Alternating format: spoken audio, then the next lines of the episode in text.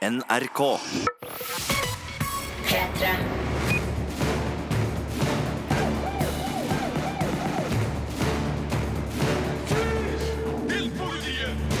Velkommen til en ny episode av Filmpolitiets podkast. Jeg heter Marte Hedenstad, og med meg i dag har jeg Fredrik Skagetøyen. Yes, og vi, vi koser oss. Vi er jo, spiller jo inn denne podkasten på en fredag, og det er god stemning fordi det er mye kult å se på kino og sånn i helga. Det er jo det. Du har vært på kino, Fredrik, og sett en film som jeg vet at du syns er tidvis bra, og jeg er veldig opptatt av at den er spilt inn i Norge. Ja, det er en del tidvis i hvert fall spilt inn i Norge. Ja. Eh, Det er da Matt Damon-filmen eh, 'Downsizing' det er snakk om. Ja. Der Matt Damon er en bitte liten mann. Bitte liten, ti centimeter høy. Ja. Eh, og jeg har sett uh, Golden Globe-favoritten, eller den store vinneren, den vant vel fire priser. Uh, Three Billboards Outside Ebbing, Missouri. Det er vanskelig å si. Det er den tittelen. Og filmen handler om mer enn uh, tre billboards. Ja, men, uh, men de, de tre reklameplakatene de legger virkelig uh, premisset ved handlingen, så de er sentrale i filmen, absolutt. Men den, men den handler om mer enn det, altså.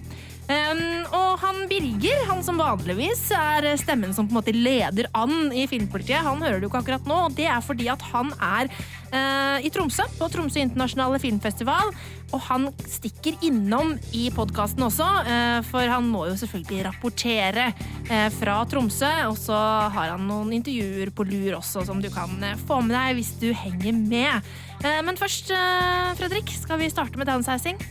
Ja, la oss. Filmpolitiet. P3. Filmpolitiet anmelder film. That's Dave, Dave Johnson. Hey, everybody. And Carol. He never struck me as the kind of guy who'd go get small. Downsizing takes the pressure right off. Plus, you're really making a difference. You mean all that crap about saving the planet? Yeah. Downsizing is about saving yourself. We live like kings. Got best houses, best restaurants, Cheesecake Factory. Got three of them. In Leisureland, your $52,000 translates to $12.5 million to live on for life. Høres jo helt fantastisk ut. Eh, Downsizing var det vi hørte et lite klipp fra deg, Fredrik. Mm. Du har vært og sett eh, den. eh, Nå fikk vi en liten innføring i lydklippet her, men hva er det dette her handler om? Altså, eh, mennesker som blir krympa?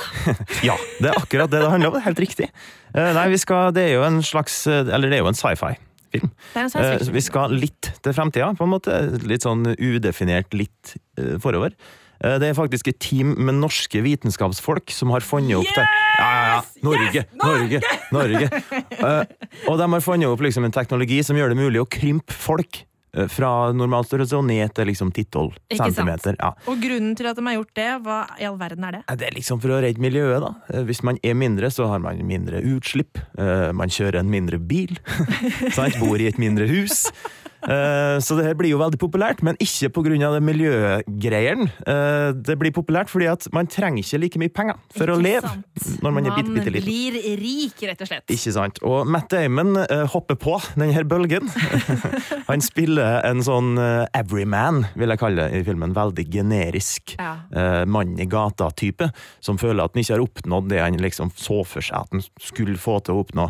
Så han trenger en forandring. Det er en slags, eh, kanskje en slags mislivskrise, rett og slett. Og så krymper han seg selv. Så krymper han seg selv. Ingen vei tilbake. Nei. Og så sporer filmen av eh, på en veldig god måte, og det blir en litt sånn surrealistisk reise eh, gjennom en bitte, bitte liten verden. Okay. Eh, og den er veldig, veldig god, og veldig, veldig underholdende, og, og, og overraskende humoristisk. Eh, tre fjerdedeler av filmen, vil jeg si. Ja vel. Og så- for den, den kaster liksom publikum rundt, og all, du, du, det er umulig å spå hva som foregår uh, rundt neste sving. Men slutten er litt for vanlig i Ja, forhold okay. til resten av filmen, og det var litt skuffende. Ok, er, det liksom sånn Den har vært litt vågal underveis, og så liksom safer den det inn til slutt, liksom? Ja, det vil jeg si. Litt Ja. kjedelig og forutsigbar slutt på det som ellers var en veldig spennende aktig film. Men viktigst av alt, Fredrik, Norge. Sant? Ja. Den er jo spilt inn i Norge! Deler av den er spilt inn i eh, Tysfjord Ja. og Trollfjord, Ja. og litt sånn rundt omkring i norske fjorder. Eh, og Norge står jo sentralt i handlinga, òg. det er jo liksom en nordmann som er ansvarlig for den teknologien her. Uh, hovednordmann er jo spilt av en svenske, da, selvfølgelig. Eh, men, men litt artig å se likevel. Og nordmenn blir fremstilt litt rart, eh, selvfølgelig. Litt sånn gammelmodig, alle har torvtak. Litt Ikke sånne ting, men Ja. det blir, er vi vant til. Ja. At amerikanere ikke kjenner norsk kultur. Ikke sant? Men Downsizing, altså. En underholdende film som er litt sær og rar og artig, men som ikke holder hele veien inn til mål. Hva er det du ender på på terningkast? Den er et kvarter for lang, etter min mening. Den ender på en terningkast fire. Filmpolitiet. På P3. Filmpolitiet anmelder film. Angela Hayes' mother. So, Mildred Hayes, why did you put up these billboards? My daughter Angela was murdered seven months ago. It seems to me the police department is too busy torturing black folks to solve actual crime. What the hell is this? Dixon, I'm in the middle of my goddamn Easter dinner. Sorry, kids. I know, Chief, but I think we got kind of a problem. Sunshine beating on a good I'd do anything to catch your daughter's killer. I don't think those billboards is very fair. Time it took you to get out here whining like a bitch, Willoughby. Some other poor girl's probably out there being butchered right now. Yes, some other girl is probably being butchered right now. Det var Frances McDormand i Three Billboards Outside Ebbing, Missouri, som jeg har sett. Og vi snakka veldig fort i stad om at uh, vi digger Frances uh, McDormand. Hun er jo en fabelaktig skuespiller, og det er hun som gjør den filmen her også. Uh, absolutt. Men den filmen her den har jo et veldig spesielt navn. Det har den. Det første jeg lurer på-. Ja. Handler den om tre reklameplakater? Ja, altså den gjør jo faktisk det. Ja, ok. Det er tre reklameplakater som Mildred, spilt av Frances McDormand, setter opp eh, for å eh, få politiet til å reagere, fordi datteren hennes eh, ble voldtatt og drept for et år siden, og ingenting har skjedd. De har ikke funnet en eneste eh, mistenkt eller noe som helst. Og derfor setter hun opp da tre reklameplakater hvor det står 'Raped while dying, still no arrests'. How come, Chief Wallaby? Oi, yes, såpass personlig Så også, ja. veldig personlig. Og Chief Wallaby blir da spilt av Woody Harrelson. Han er den elskede eh, politisjefen i bygda. Eh, og han er en trivelig fyr, og har attpåtil kreft. Så det blir tatt rimelig dårlig imot da, eh, når Mildred går hardt ut mot han. Og så handler filmen da rett og slett om eh, hvor beinhardt Mildred står eh, for det hun har gjort, og for det hun prøver å få til, nemlig rettferdighet for datteren. Eh, og da liksom alt dette sinnet som lever i både henne og også da denne småbyen Ebbing. Men hva syns du egentlig om filmen? Du, jeg kosa meg skikkelig. Det her er en, en veldig god film. Ikke bare fordi at det er veldig gode skuespillere i den, men fordi den tar opp et veldig interessant tema, nemlig sorg og tap. Eh, og så gjør den det på en stilig måte. Altså, veldig mange filmer som handler om sorg, um, eh, på, som i denne forbindelse, da, når det er noe fælt som har skjedd, og sånn, eh, handler veldig mye om tilgivelse. og liksom at eh, Du kan ikke komme deg videre i livet eh, før du har tilgitt og sånne type ting. Eh, mens det er ikke så stort tema her. Her handler det egentlig mer om at Frances McDormand og, og hennes Mildred eh, bare er sint. Og hun, hun vil få utløp for den frustrasjonen hun, hun har inni seg. Da. Eh, og det gjør hun da med disse eh, plakatene, rett og slett. Høres ut som en forfriskende synsvinkel, på en måte, det, da. ja, det er jo litt det. Um, og så er det veldig spennende fordi at um, liksom, man har jo utgangspunktet veldig sympati for Mildred, fordi hun har mista datteren sin. um, men så kommer det jo liksom Du skjønner jo etter hvert at Mildred er ikke en hyggelig dame, liksom. Hun er en fæl person. Oi! Eh, hun, hun, er ikke, hun er ikke snill. Og det er jo selvfølgelig på grunn av hun, Det har jo skjedd noe med henne. ikke sant? Eh, eh, og hvordan liksom, hennes livssituasjon har vært og sånn. og har jo gjort henne til en sånn bitter kvinne. Eh, og det er jo samtidig eh, på én side trist, men så er det òg eh, bidrar det til veldig mange komiske øyeblikk, fordi hun er så knallhard og er liksom full av drittslenging som hun slenger på en fabelaktig måte.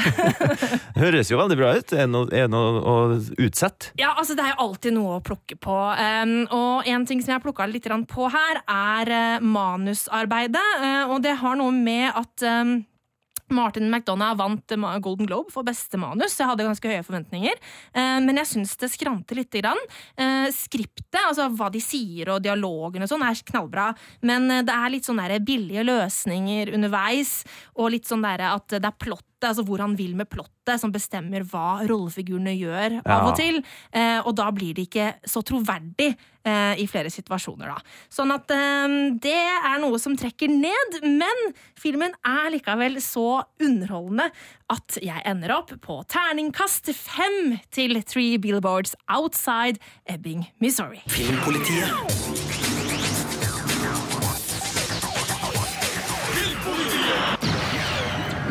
Skal vi ta turen til Tromsø her i Filmpolitiet, for eh, der befinner du deg, eh, Birger. Ja visst, eh, her er jeg, og her har jeg vært siden mandag. Og stort sett sittet i en eller annen kinosal og sett en eller annen film. Og nå er det slik med Tromsø og TIFF at det er så utrolig mange filmer her, så det er umulig å få med seg alt. Så her handler det om å gå gjennom programmet og plukke ut det du tror kanskje er bra og interessant, og håpe at det virkelig viser seg å være det. Og jeg har hatt eh, en god del flaks eh, i årets eh, TIFF-program, med noen bommerter som ja, hører med en festivalopplevelse, egentlig. Tromsø internasjonale filmfestival foregår jo hele uka. Eh, Men altså, hvordan type filmfestival er det her, eh, Birger? Jeg, har nemlig hørt rykter om at det her er en festival som virkelig farger eh, byen. Ja, altså rent innholdsmessig så eh, går de ikke mot eh, den mest kommersielle delen av filmindustrien. De søker mot de litt eh, små, eh, smale og, og, mindre filmene fra land som du kanskje vanligvis ikke ser så mye film fra. Slik at her får du en unik mulighet til å se film på kino som du ellers ikke får mulighet til å se på en vanlig norsk kino. Og man ser jo at publikummet på festivalen her i Tromsø, de, de søker mer enn gjerne mot de små raritetene som gir dem eh, nye eh, kulturelle opplevelser og impulser. Så det er stappfulle hus på forestillinga som hadde de hatt vanlig norsk kinodistribusjon, kanskje ikke ville ha blitt sett mer enn av noen få hundre. Ikke sant. Eh, Men så åpningsfilmen i år var jo Per Fuglis siste resept, som du har anmeldt. Fortell litt om den filmen. Ja, det er jo en dokumentarfilm av Erik Poppe, som jo er mest kjent som eh, spillefilmregissør. Eh, 'Kongens nei' var jo hans eh, siste verk, sett av over 700 000. Eh, Men parallelt med, med å jobbe med 'Kongens nei', har han også da fulgt professor og samfunnsdebattant Per Fugelli gjennom hans siste leveår. Han døde jo av kreft i september i fjor, og i eh, dokumentarfilmen eh, får vi da oppleve hans eh, siste tid, der han bl.a. forklarer hvorfor han har valgt å avslutte kreftbehandlinga, og hvorfor han har valgt å dø, og litt om hvordan han føler eh, om den kampen han står overfor, og hvilke ringvirkninger det ikke bare får for han, men også hans nærmeste familie, og spesielt da kona gjennom 50 år, Charlotte, som også er en viktig del av denne filmen. Eh, Nå har Per Fugelli siste resept vanlig norgespremiere allerede om en uke, og jeg tror nok at eh, det vil komme ganske mange publikummere eh, på kino for å, for å se den. For vi snakker jo om en kjent og kjær personlighet som eh, også var kontroversiell og omdiskutert. Men eh, alle har et forhold til Per Fugelli, både gammel og ung. Eh, Vi ser jo bl.a. i filmen en scene fra Universitetet i Oslo, der han underviser unge studenter. Og det er en svært lydhør og engasjert forsamling som hører han forelese. Og det er tydelig at hans budskap eh, når frem enten man er 20 eller 70. Og det er nok grunn til å tro at eh, dokumentarfilmen vil bli sett av et eh, stort og bredt publikum. Og den fikk god mottakelse her under åpninga av Tromsø internasjonale filmfestival. Og, og har blitt sett av flere gjennom hele uka. Den går fremdeles da på denne festivalen. Filmpolitiet. Dette er P3. Vi befinner oss fortsatt i Tromsø, på Tromsø internasjonale filmfestival. For der er nemlig Birger og koser seg. Og hva er de beste filmopplevelsene du har hatt på festivalen i år? Ja, det er filmer som trolig ikke kommer til å gå på norsk kino. Så her får man bare ta mitt ord på at dette var supre kinoopplevelser. Eh, den første Team Hurricane. Det er en dansk film i regi av Annika Berg, som var en skikkelig frisk og energisk eh, opplevelse. Det handler da om eh, sju unge jenter som eh, har en ungdomsklubb som samlested. Og vi følger dem gjennom motgang og medgang og diverse problemstillinger som jeg tror veldig mange tenåringer kan kjenne seg igjen i. Men det er måten det er fortalt på som er utrolig fresh. For her har man da rett og slett tatt i bruk bloggeteknikken, bare med gammel teknikk. Altså Her har man ikke brukt iPhones, men gamle DV-kameraer, som eh, gir filmen et eh, helt spesielt uttrykk. Og spesielt når det gjelder fargespillet, det er helt eksepsjonelt eh, morsomt. Her er det så mye grønt og blått og oransje og rosa at du blir helt svimmel i øyeeplene dine. Men det er veldig friskt og morsomt fortalt, samtidig som vi blir veldig godt kjent da, med disse sju unge jentene. The Garden er en tysk film i regi av Sonja Maria Krøner, som gjestefestivalen. Eh, det handler om eh, hennes egne opplevelser som eh, lita jente, der vi følger da en stor familie som har en, en hage som samlingssted et sted i Tyskland. Et slags hytteområde, om du vil. Og det handler om uenighet om arv, og det handler om uskyldsfri eh, barnesommer. Og eh, det handler egentlig ikke om veldig mye på overflata, men hvis man ser mellom laga, så er det mye som foregår eh, likevel da, i The Garden. Eh, Western er en tysk-bulgarsk film i regi av Valeska Grisebach, som også gjester festivalen. Eh, her følger vi en gruppe tyske bygningsarbeidere på oppdrag i Bulgaria, og det handler om kultur kollisjoner mellom de tyske arbeiderne og de bulgarske eh, ja, innfødte, om vi kan eh, si det slik. Eh, og hva som skjer når en av de tyske bygningsarbeiderne blir litt betatt av den bulgarske landsbygda og begynner å sysle med tanker om å faktisk slå seg ned der. En stille og rolig film, men som har en rå energi under overflata. Og nydelig filma på den bulgarske landsbygda, der man føler seg transportert til en annen tid og så Den siste filmen som jeg vil trekke fram, den er fra 1971. Fordi det vises også gammel film her på Tromsø internasjonale filmfestival. De har et eget sideprogram eh, som handler om røde musikaler. Altså musikaler laga i Øst-Europa. Og eh, her fikk jeg da eh, gleden av å se The Songs of the Sea, som er den da engelske tittelen, på en russisk-rumensk film fra 1971. Og eh, ja, jeg vet ikke om jeg skal si så mye om plottet, men altså, det handler om et band som drømmer om å komme til den russiske byen Sotsji på en talent diade der, og samtidig som at det er en agent som snoker rundt på jakt etter en koffert som det blir noen forbyttingsforviklinger rundt. Eh, så det, det, morsomste med The Songs of the Sea er at musikken er laga av Temistokle Popa, en rumensk komponist som eh, noen år senere laga musikken til Rock'n'Roll Wolf, som vi jo godt kjenner i Norge fra utallige visninger på NRK. Eh, så det var, det var gøy altså å sitte i det eldgamle Verdensteatret i Tromsø og se en russisk-rumensk eh, film som er nesten like gammel som meg sjøl, eh, i 35 millimeter. Så da satt jeg der og hørte kinomaskina surre i bakgrunnen, og det var enormt koselig. Så det, det er sånne opplevelser man kan få på Tromsø internasjonale filmfestival. Jeg har jo som sagt langt ifra sett alt, men det jeg har sett, har jeg stort sett vært veldig fornøyd med. Det høres herlig ut, Birger. Du skal få lov å gå ut og kose deg videre med festivalen, så snakkes vi igjen litt seinere i sendinga. Det gjør vi. Filmpolitiet Filmpolitiet På P3. Filmpolitiet anmelder film. I would do anything to sing with you guys again.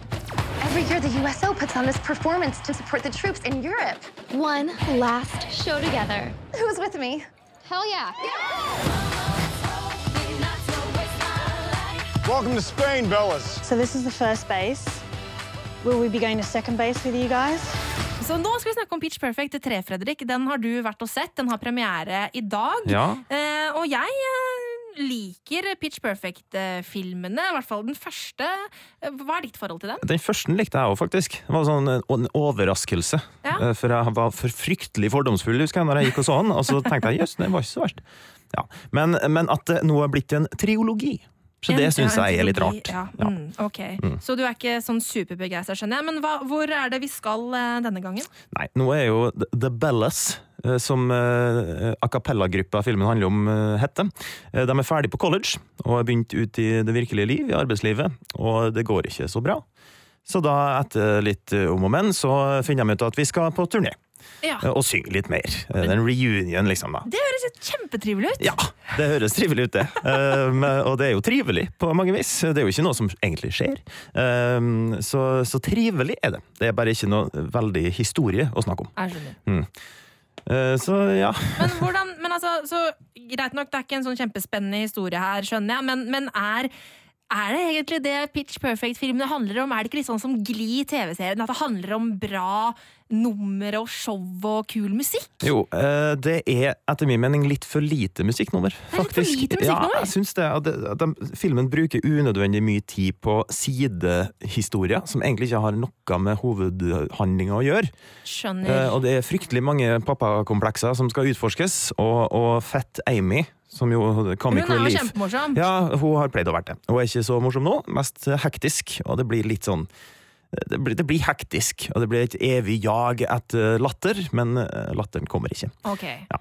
Vi veit at hun er overvektig nå, på en måte. Ja, ikke sant? Ja. Og de bare fortsetter å joke med det, ja. Mm. Eh, Sånn at eh, historien er ikke så veldig bra. Bruker masse tid på sånne små sidehistorier, og så er det for lite musikk. Hva er det igjen da? Altså, er dette her noe som man kan like likevel, eller er det bare ræl? Jeg vil tro at fansen eh, nok vil synes at det her er en fin avslutning på en litt sånn usannsynlig suksess, da. Ikke sant? Ja. Jeg skjønner. Og, og jeg, jeg humrer jo litt, jeg òg, og musikken som er der, er jo catchy. Ikke sant? Så det som er med av musikk er kult, men du vil gjerne hatt mer av det, bare? Jeg skulle gjerne hatt litt til. Ja. Ah, ok, ja, Jeg lurer på om jeg kanskje dropper den her på kino, men jeg må få den med meg når den kommer eh, på Blu-ray eller noe sånt. da. Du kan gjøre. Men hva ender opp på terningkast, da? Nei, jeg føler meg litt snill i dag. Det er fredag. Eh, terningkast tre. Filmpolitiet.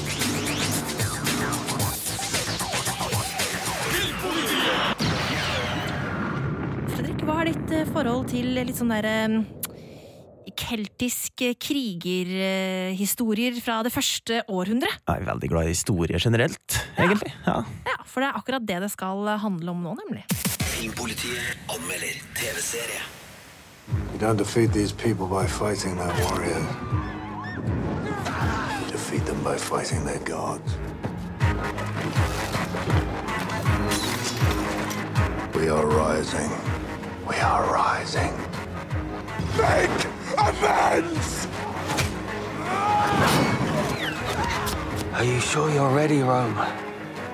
Ready for what you'll find? I'm ready. Then let's begin. Det var voldsomt. Ja, og dette her er da Britannia, eh, som er en TV-serie som starter på HBO Nordic i dag. Alle ti episodene blir lagt ut.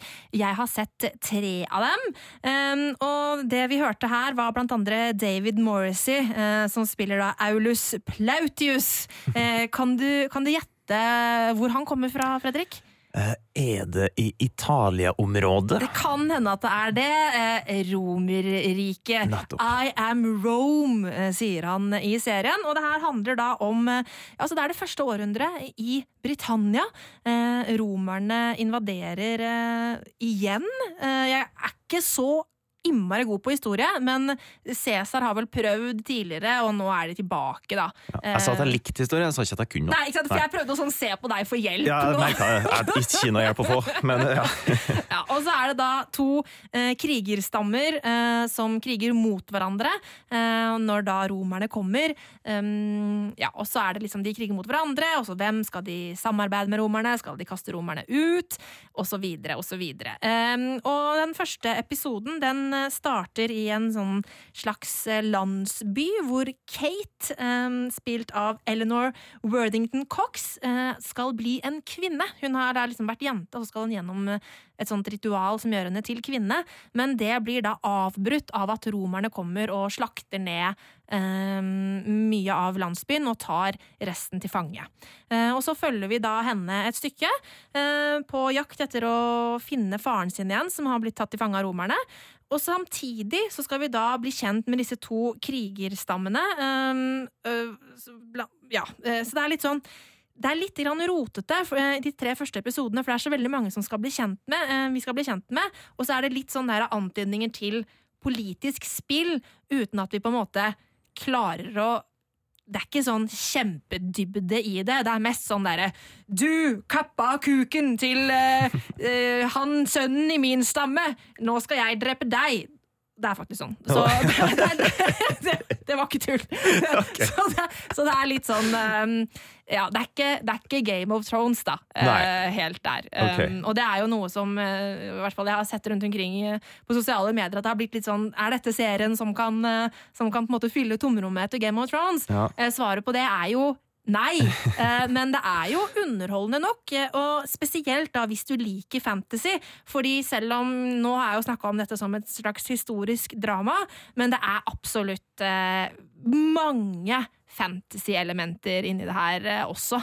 Um, så eh, du, du rynka litt på nesa. Jeg merker at jeg blir litt skuffa. Det er en så, et kult premiss, et kult utgangspunkt, syns jeg. Uh, Men det, hadde, det høres kulere ut for min smak, hvert fall, hvis de har holdt seg til noe mer historisk Uh, Ja. eh, korrekt. Eller, ja. Ikke sant? Ja, for dette her er det jo eh, druider, eh, og de bestemmer mye av det som foregår da, eh, i landskapet. Altså sånn, eh, Når høvdingen skal gjøre noe, så forhører han seg med druidene først. Um, og de eh, Det er jo re kanskje realistisk. Det hørtes jo ut, troverdig ut, i hvert fall. ja, Ja, Men så, det er ikke bare det at de tror på det druidene gjør, er sant. Eh, Vi får se i serien at druidenes magi faktisk fungerer.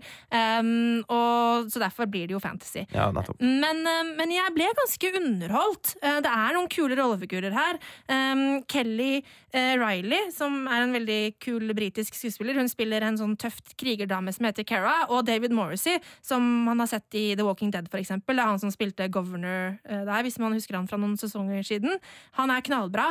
Um, så det er mange gode figurer her, men så blir det litt sånn Det blir også litt grann kjedelig av og til, og derfor ender jeg opp sånn midt på treet, da. På terningkast tre til Britannia. Men eh, jeg skal se resten, eh, så som en sånn passe tidtrøyte i helga, tenker jeg. Må jeg prøve det, da. Ja, du får prøve det, Ja, så kan du se om du liker det. La gå. Filmpolitiet. Dette er P3. Nå skal vi straks sette over til, til Birger igjen, som har vært på Tromsø internasjonale filmfestival. Fordi han har snakket med regissør Asif Kapadia, eh, som har gjestet eh, Tromsø internasjonale filmfestival tidligere, og som er der i år også. Um, og Fredrik, eh, jeg vet at du har sett eh, en av filmene hans, en dokumentar som heter Senna. Ja, det her er alt som handler om ting som kjører fort. Er jeg jo veldig glad i. Ja, for her er, Hvem er Senna? Er det en person? En, en Formel 1-sjåfør. Ikke sant. Mm. Det, det går meg liksom rett over hodet. Jeg har ikke peiling på sånt. Filmen er veldig bra. Ut den. Ja. Men jeg har jo sett eh, Amy, eh, som er en annen dokumentar som han har lagd om Amy Winehouse. Knallbra. Og eh, Birger han har tatt en prat eh, med Asif Kapadia, for han har jo også laget fiksjonsfilmer da, som The Warrior og Far North, men er jo da mer kjent, med, kjent eh, for Senna, som vi nevnte, og Amy Winehouse. Eh, Og nå så skal han lage en eh, ny eh, dokumentar om Diego Maradona. Birger han har snakket med Asif Kapadia om disse filmene, men aller først så forteller Kapadia litt om sitt forhold til Tromsø internasjonale filmfestival, siden han har vært der før. I've been to Tromsø many times. I first came here with my first feature, The Warrior, which maybe was in 2002, perhaps. Um, and you know just excited by the idea of going to the Arctic Circle and not having any concept of what it would be like. But I actually had a short story at the time that I, I really loved and had an option on, which was set in the far north, and um, I came here to the festival, really had a great time showing my first film, but then it kind of gave me the motivation to go, oh, maybe there's a way of making this other project. So I ended up coming back again and working here and being based in Tromsø and shooting in Svalbard and shooting at film camp and you know doing a movie with lots of local crew. So I became like I've got lots of friends here. And then I came back again to show Far North. Subsequently, I've been back for the um, kind of youth film festival, NUF, few times. I've been to film camp to do a talk at Sources. So over the years, i have probably come to Tromsø, you know, 10, 15 times. And I just love it. And I've missed it. And I was thinking of coming back again. And, you know, if you think about something enough and you wish it can happen, then I got this email from Martha saying, why don't you come back to the festival and do a talk? Because I hadn't really been able to come since making Senna to talk about the films. And so it was a fate to bring me back here. But you really don't have time for this because you are editing your next film and you should be a very busy man somewhere else. So this time last week, I was in Dubai with Diego Maradona. I was out there um, doing interviews, and I have a brilliant editor and a brilliant team at home in London, who uh, you know we have work to do. We have a deadline. My editor's working away. I, I'm I bunked off for a couple of days, as we say, and then I'll be back on the weekend to crack on next week. But yeah, we have a really tight deadline to try and get the film done in time. So we knew you as a feature film director, and then seemingly out of the blue, you started making documentaries and are maybe more known for those films now. How did that come about? It's a really strange set of circumstances, really, because I mean, for me, I'm a director. I'm a director. My job is to find stories, tell stories, find the best set of tools and visual kind of and creative ideas in order to tell the best way to express that story. Um, and so I love doing drama and I want to go back to doing drama. And I do actually, in between the documentaries, make fiction and drama. But strangely enough, by doing this odd kind of accidental tangent into documentary filmmaking, they've become more successful and more well known around the world. And so many people only know me as a documentary filmmaker and have never seen any of the fiction films. Um, but that's fine. As long as they've seen something, I don't mind. Um, for me, they I, I, work just as hard on a documentary as I do on a drama. It's not like one is more important than the other. It's they're all challenges. Some of them are more physical. Film shoots are very physical and exhausting, and you know there are a lot. There's a huge machine. There's a lot of crew. There are a lot of money documentaries that I've been doing, I've actually made them almost as small as I can possibly do them, but they're almost blockbuster documentaries because they're about very famous people who have a huge following already the interesting thing is when you do a drama, often you know you're trying to work out a film, and the challenge is, well, how are you going to end it? The, the the the thing about Amy and Senna is if they knew one thing, the audience knew how the film's ended. They know the ending. So the films are about the journey. It's about understanding their life and how they live their lives, and not so much about how they end. And I find that quite freeing, actually. You know, it's not about the twist in the tale. It's actually the tragedy that happened in one case, or you know, the accidents that happen um, so I, I, just find it really fascinating for the audience to think they know everything about character, and then you show them actually you know nothing. We're going to tell you a story that's as good as any drama. Senna's story and his narrative is so amazing. If you'd have written it, you would not believe it. Having made films like The Warrior and Far North previously, uh, do you take anything from your experiences with those films into the documentaries, like film techniques and sensibilities? absolutely. Everything that I now use on my documentaries, and I feel the reason why they've been successful and the reason why they've done well, and the reason why in certain ways they've kind of changed the genre somewhat, is because I started off doing fiction films and writing scripts and working on storylines and shooting the films and being very aware of how the camera is used and what you're trying to say with a shot, particularly because the aim was to always to make very visual movies. And I want the documentaries to be very cinematic and I want them to be seen on a big screen and I want them to feel like movies. So, you know, you can have a choice to go and see you know, Harry Potter or a James Bond film or this film or that film, or you go and see Senna or Amy. And I want it to feel like that. I don't want it to be like, oh, I don't want to watch a documentary because I don't want to be, you know, told how terrible I am as a human being or something like that. It was actually, they are a form of entertainment and they may be emotionally more draining than the dramas. You know, that's the thing. I want them to feel Senna's an action movie, Amy's a musical. Both of them should emotionally engage the audience in the same way I would try to do if I were making a drama. And now you're in the process of making Maradona about the famous Argentinian uh, football player Diego Maradona. And what's the link between these three movies, Senna, Amy, and Maradona?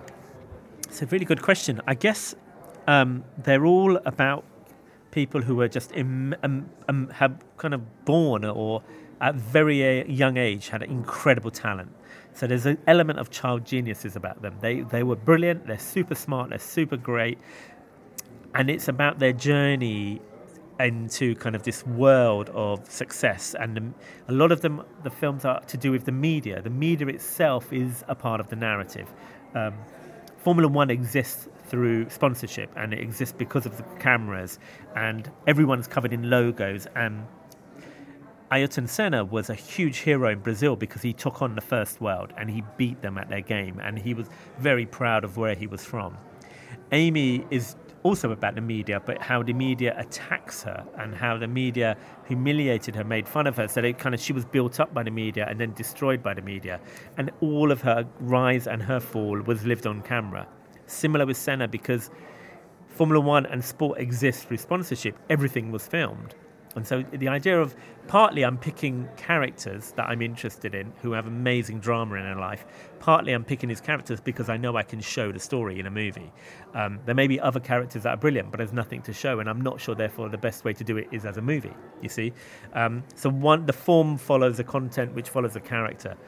Maradona is a similar one. He's almost like a cross between Senna and Amy because you've got a guy who is another Latin hero who rose from nothing in this case, had no education, Argentina, he kind of took them to the global stage. He took on the English, he took on the Europeans, took on the Italians. Uh, Diego's the guy, whoever he goes, he starts a fight. You know, he needs conflict. He needs someone to argue against. If he's got no one to argue against, he'll fight against himself. Um, so that's kind of fascinating. Again, it's using a kind of global thing of football and the sport being a huge thing, the World Cup being something that the whole world watches, but it's to do with his character and how he manages it now, in Diego's personal life, he had, as he was at his highest point, he also had issues of addiction. And so that's another part of it. Um, I feel his film will be very much also about family. And that's another recurring theme with, right from The Warrior to Far North, for Senna, for Amy, and for Diego. In the end, when you dig into people's characters and when you try to understand the psychology, often it comes back to family and the relationships to the people around them.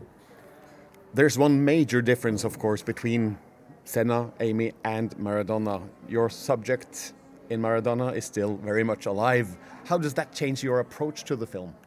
It's a really good question because um, I'm, a, I'm a big fan of kind of the rule of thirds. I mean, if you do something once, you understand, okay, that's how it's going to work. And then you do it a second time, it's slightly different. The third one has to be totally different, I feel like. So with, with Senna and Amy, I didn't have my central characters to interview. I, I had to tell their stories using footage that I found and archive that I found with Diego, Diego's still around, and I was very much aware that I didn't want to do a third film with somebody who wasn't around for me to talk to. The challenge to myself was he's still alive, he's still creating chaos everywhere he goes. I have to deal with him, I have to talk to him. And in a way, he had a third act. You know, he's got old, he's retired, he's left the sport of football, but he's continued to kind of like create mayhem everywhere he goes. And that is part of the challenge of growing up. If you are a child star, what happens when you get to your 60s? You know, and if you've had children, and how do you deal with those kids? How do those kids deal with you? Because Senna and Amy didn't get a chance to have children. So I think that's all a part of the film. And that was a conscious decision to, in a way, give myself a new challenge to answer and also to have the central character to deal with and to face up with and to interview while making this film. At the masterclass here in uh, Tromsø, you um, told the audience that the first cuts of both Senna and Amy were, were really long, like four or five hours. How long is uh, Maradona now? So yeah, the first cut, very very first assembly of Senna was about six hours, seven hours. Um, Amy, we definitely had a five-hour cut. Just before Christmas, uh, we showed internally the first cut of, of um, Diego Maradona's, and that was about four hours. So maybe we're getting a bit better at it. I don't know. We might get there eventually. Will the longer cuts ever see the light of day? I'd love to do it, and a lot of people have asked um, to see a long version of Senna and a long version of Amy. The challenge is when you make these films with archive, we when we finish a film, you only license the footage you use. So I don't own the footage that's not in the completed film. So it's if the film then goes on to do quite well, if I was to go back and license it, obviously it becomes far more expensive. So you have to get someone to pay for the material in order to show it, unless you do private screenings. And maybe we'll do that one day. I'd love to show them because the, all of these stories are really complex characters. They're really complex stories, and the longer they get, the more complicated you understand their lives were. But we, our job is to try to tell the essence of their storyline and to try to tell the life of Senna in two hours, or Amy in two hours, or Diego. It's almost impossible, and that's that's the challenge. That's the challenge of the filmmaker is to condense and almost do an adaptation of their huge, epic lives in a few hours. Um, but one day, I hope one day to be able to show, maybe in Tromsø, maybe at another festival, the long versions of all of these films. Because if you're a fan, I think they're fascinating. It's important to stress that you are not only a documentary filmmaker, you also make feature films, of course. And also last year, we saw you make two episodes of Mindhunter and you have to retell the story about how that came about.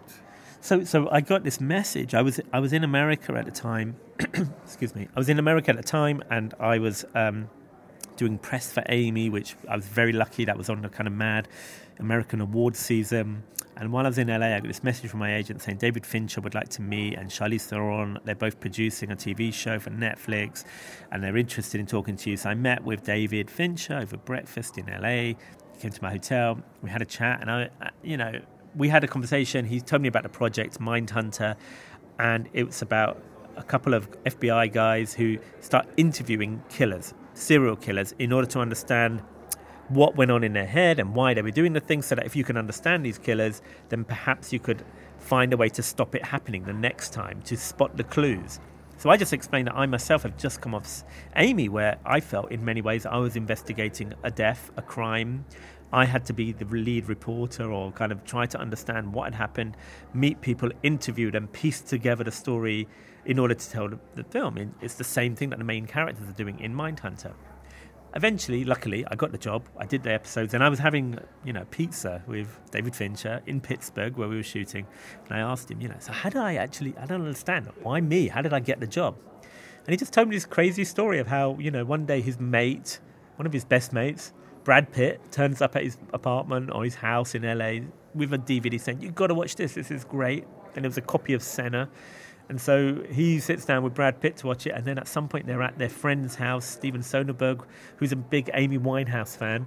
And anyway, it's just insane that Brad Pitt, David, you know, Fincher, and Steven Soderbergh know who I am. But the fact that they've seen these films, really like the films, and part of the reason that they really love these films is why they contacted me. I then gave him a copy of The Warrior, and he watched that because at that point I don't think he even knew I'd done any drama. But he really liked the way those films were constructed, and that's how I got the job. Did you get the taste for doing more television work? Absolutely. I mean, I've not really done any TV. I've not done anything in the UK. What I loved about David Fincher was that he kind of came from, you know, so far out left field, but but saw something in the work and saw something in me that made him think I could do the job. And I, it was a great experience. Shooting in America is amazing. The crews are fantastic. The scripts were great. Joe Penhall, a British playwright, had written the series. Um, I knew him a little bit from London, so we met. The actors were amazing. So I just, I really want to go back to doing drama. But you know, the world has changed from when I was doing my dramas to this world of digital series, a lot of long form TV, where again, it's not about the ending. It's about creating characters and extending the drama and making their lives as complex as possible, which weirdly enough is, I think, a lot more in common with the documentary work I've done than the, docu- the, the features I was doing before. Um, so I think it's just a matter of now finding the same, the right projects that really engage. Mindhunters was great because it was all about understanding the psychology of really dark, really dark characters. It's, a lot of it was based on truth. The, the, the, the killers were real people. A lot of the dialogue in the TV series is verbatim what they said in interviews to the FBI and to cops. Um, the actual main characters, the cops, are kind of conflated characters, but they're all based on real people. So weirdly enough, it was a meeting of kind of my interest of fiction and documentary, and I'm I'm really interested in the space between classical fiction and documentary. Somewhere in the middle is where I like being. So now you're buried in the psychology of Diego Maradona, and how and how long will you stay that way? I mean, when can we expect to see the finished product? I just got to tell you, this time last week, I was in Diego Maradona's house and he had a ball. And I was like, Diego, I can't help myself. And I passed the ball to Diego and he passed it back to me and I passed it back. And I played football with Diego Maradona. I just got to say that. Um, we, we are trying to finish the film for, you know, this summer, this spring. So we're, we're deep in post. We've got a few months to try and see if we can get it ready in time for the major festivals. But, you know, long way to go, but touch wood. Det sa Asif Kapadia til Birger da de møttes på Tromsø internasjonale filmfestival. Og Kapadia jobber jo da altså med å ferdigstille sin dokumentar om fotballspilleren Diego Maradona. Filmpolitiet på P3. I studio i dag så er vi da Fredrik heter jeg. Ja, og jeg heter altså Marte.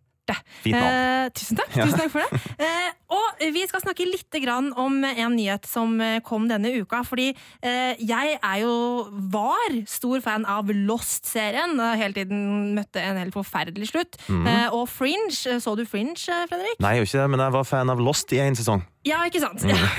Men eh, altså, mannen bak disse seriene, det er jo JJ Abrams. Og han er jo en fyr som vi har hørt mye om. Altså, han har lagd eh, Star Trek-filmer, han har lagd eh, Star Wars, The Force Awaken, og skal også lage Star Wars episode 9. Mm. Så han er en, en, et stort navn. Og nå så har han lyst til å vende tilbake til TV-skjermen. Og Ja. det syns jeg er skikkelig kult. Har du noe innsikt i hva det er som foregår? Jeg har, jeg har så mye innsikt, Fredrik. Fordi eh, nå er det sånn at han er, har en, et TV-serieprosjekt som han ønsker å selge inn. Det er science fiction, eh, og han har eh, Altså JJ Abrams har vært i prat med både Apple og HBO, som visstnok er interesserte, men de har ikke kjøpt noe ennå. Eh, og det her da er eh, eh, litt sånn young adult-aktig, eh, for det er veldig sånn i vinden for tida. Jeg føler det. Ja. Ja. Eh, og det handler da om en familie som havner i en bilulykke. Moren, som er en briljant briljant vitenskapskvinne, havner i koma. Eh, og så eh, datteren, som er veldig nysgjerrig av seg, begynner da å fikle med hennes eksperimenter. Og så plutselig så blir hun dratt inn i en annen dimensjon, eller en annen verden, eh, hvor det da er noe ondt som må bekjempes. Det var da voldsomt. Det var da, men det høres jo litt sånn Det høres jo veldig sånn young adult ut, og eh, noe som er mynta på kanskje en litt sånn yngre TV-seriegruppe, men, men det høres jo kult ut, da! Det gjør det, for å komme en spådom. Ja. Kan bli kult. Kan òg bli ganske dårlig. Men jeg vil i hvert fall gjerne se JJ Abrams eh, tilbake på TV-skjermen, fordi han er en eh, TV-serieskaper jeg liker godt, altså. Ja. Vi får krysse firene for at eh, HBO plukker det opp, tenker jeg, så, så blir det bra der. Filmpolitiet.